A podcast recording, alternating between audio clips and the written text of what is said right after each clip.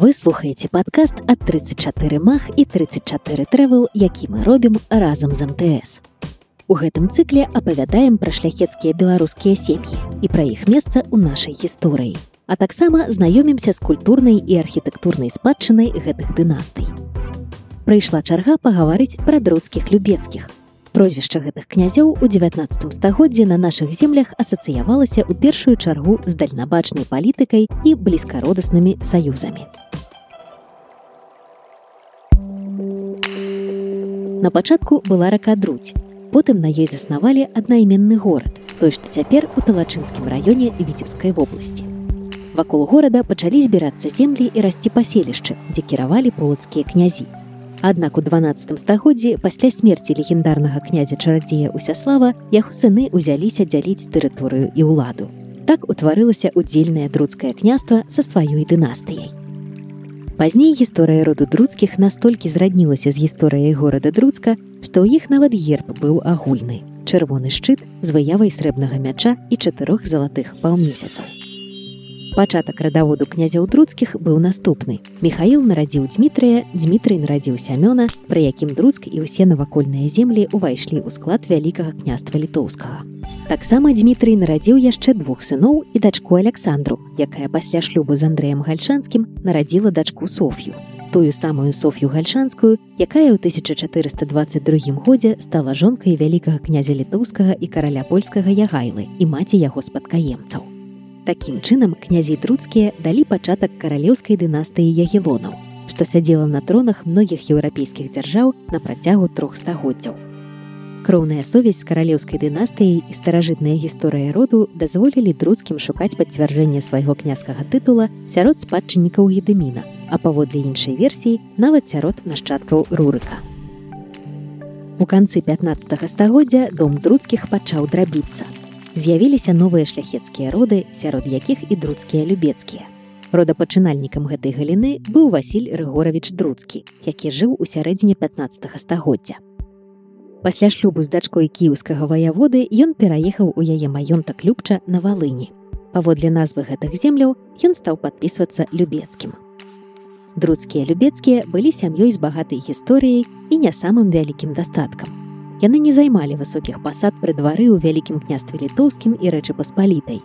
Сядзібы і ўладанні прадстаўнікоў роду былі не большымі, чым уладанні сярэднестатыстычнага беларускага шляхціца. Вось чаму многія прадстаўнікі сям'і сароміліся карыстацца княскім тытулам. Не хацелі лішні раз чуць насмешку ў свой адрас. Але ўсё круто змянілася ў другой палове 18 стагоддзя трагічныя падзеі трох раздзелаў рэчы паспалітай паміж аўстра-венграй брусіяй і расійскай імперыяй ды вызваленчае паўстанне пад кіраўніцтвам тадэвуша касцюшкі падштурхнулі многіх прадстаўнікоў беларускай шляхты заняць радыкальную пазіцыю і абараняць радзіму. Друцкія любецкія не ваявалі і не рабілі рэзкіх заяў. Яны выбралі шлях мірнага рэфармавання і тонкую дыпламатыю каб захаваць ад рэчы паспалітай хоць нешта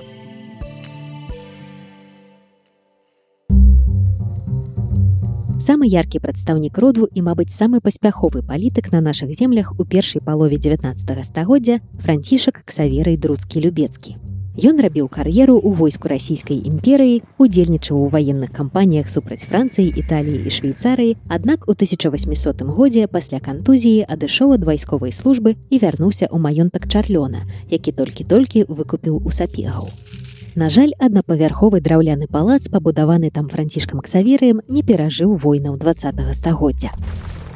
Непадалёк ад чарлёны месцілася шчучынская рэзідэнцыя старажытнага італьянскага роду сцыпіёнаў дэлькампа. З імі друцкія любецкія парадніліся двойчы. Спачатку сястра францішка ксаверыя Тэрэза выйшла замуж за Юзефа сцыпіёна. А потым сам францышак ксаверый ажаніўся з уласнай пляменніцай Марыі сцыпіён дэлькампа. Дазвол на такі шлюб трэба было атрымліваць у папы рымскага. Сам шлюб аказаўся шчаслівым. У Марыі францішка Ксаверыя нарадзілася 8 дзяцей. Маладая жонка, як адзіная спадчыніца сцыпіёнаў, у пасах прынесла мястэчка шчучын і ўсе сямейныя ўладанні. Так радавое гняздо друцкіх любецкіх з пачатку 19 стагоддзя перамесцілася ў самае сэрца шчучыншчыны.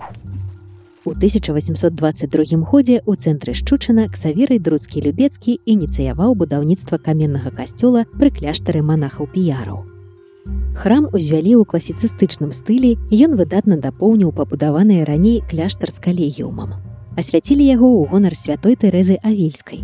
Княжыцкі род апекаваўся храмам на працягу стагоддзя і адорваў яго цудоўнымі падарункамі.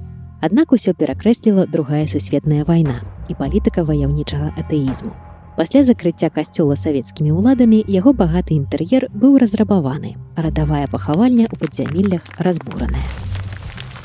Аднак уменне друцкіх любецкіх трымацца далей ад вострых канфліктаў яшчэ ў сярэдзіне 19 стагоддзя выратавала сам касцёл. Пасля здушэння вызваленчага паўстання кастуся каліноўскага, у якім князі ўдзелу не бралі, улады задумалі перабудаваць касцёлу праваслаўную царкву. Аднак друцкія любецкія прапанавалі альтэрнатыву.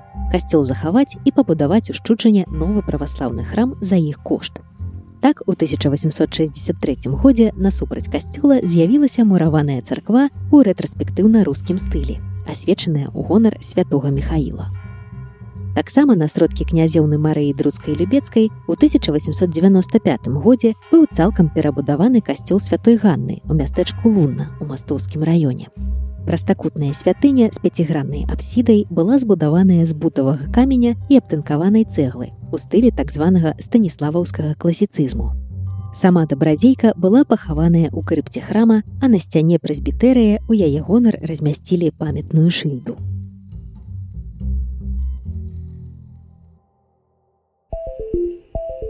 Росквіт сям'і друцкіх любецкіх прыпадае на 19 стагоддзе. Для многіх слаўных беларускіх шляхецкіх дынастый гэта была эпоха заняпаду. На першы план выходзілі тыя, хто ўмеў стасавацца з новай уладай. Такім быў францішак ксаверый друцкі любецкі.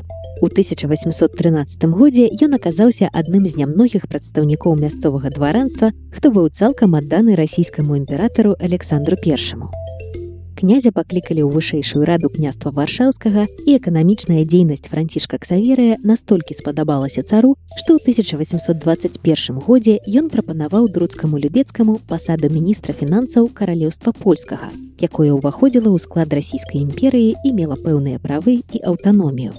Міністэрская пасада раскрыла таленавітага князя і паспрыяла эканамічнаму росту земляў у складзе каралеўства польскага Дзякуючы яго дзейнасці тавары з каралеўства бесперашкодна экспартаваліся па ўсёй расійскай імперыі і даходзілі да Китая.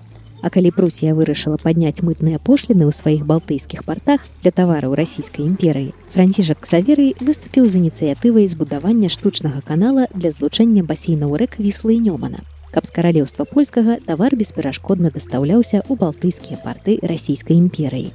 Пазней з ростам амбіцый князь друцкі любецкі задумаў з дапамогай канала злучыць два моры балтыйскае і чорнае. Канал атрымаў назву аўгустоўскі ад мястэчка аўгустоў, што размяшчаецца сёння на тэрыторыі Польшчы. У 1839 годзе была скончаная першая чарга будаўніцтва і ўведзеная ў эксплуатацыю першыя 100 з задуманых 300 кіламетраў канала. А далей неабходнасць у будаўніцтве адпала. Прусія панізіла мытныя пошліны, да таго ж расійская імперыя пераключылася на чыгуначны транспарт. Так і застаўся аўгустоўскі канал недабудаваным. 80 кіламетраў на тэрыторыі Польшчы і 20 у Беларусі. Друцкія любецкія не агналіся за часам. Па ўласным тэмпе жыў і ўнук францішка Ксаверыя Уладзіслаў. У 1892 годзе ён пачаў узводзіць у шчучанне радавую рэзідэнцыю па праекце віленскага архітэктара Тадэуша раствароўскага. Пабудова канца 19 стагоддзя стваралася ў стылі мінулай эпохі класіцызму і на стагоддзе адставала ад новых мадэрновых павеваў у архітэктуры. Магчыма, князю Ладзіслаў Друцкі Любецкі хацеў стварыць сваю копію рэзідэнцыі Трыянон, аднаго з павільёнаў версальскага палаца. Але як бы там ні было, хваравіты стан князя расцягнуў будаўніцтва на два десятгоддзі, а пасля яго смерці сям'я была не ў змозе працягваць працы. У 1921 годзе у палацы размясціўся апошні ўладальнік шчучына Ян друцкі любецкі. Будаўніцтва і штукавальныя работы не былі скончаныя і пры ім. Унутраная планіроўка палаца была вырашаная ў класіцыстычнай манеры і мела нерэгулярны калідорны характар. Жылыя пакоі фарміраваліся ўздоўж галоўнага і двух бакавых фасадаў. А з паркавага фасада месціліся парадныя памяшканні. Пасля ўваходу ў горад савецкіх войскаў у 1939 годзе ўсё ўнутранае ўбранне палаца было вывезенае. Гістарычная спадчына князяў друцкіх любецкіх не такая багатая, якую пакінулі па сабе магнацкія сем'і, пра якія мы расказвалі ў папярэдніх выпусках нашага падкасту. Аднак гэта, безумоўна, гонар шчучыншчыны і аздоба ўсёй Беларусі.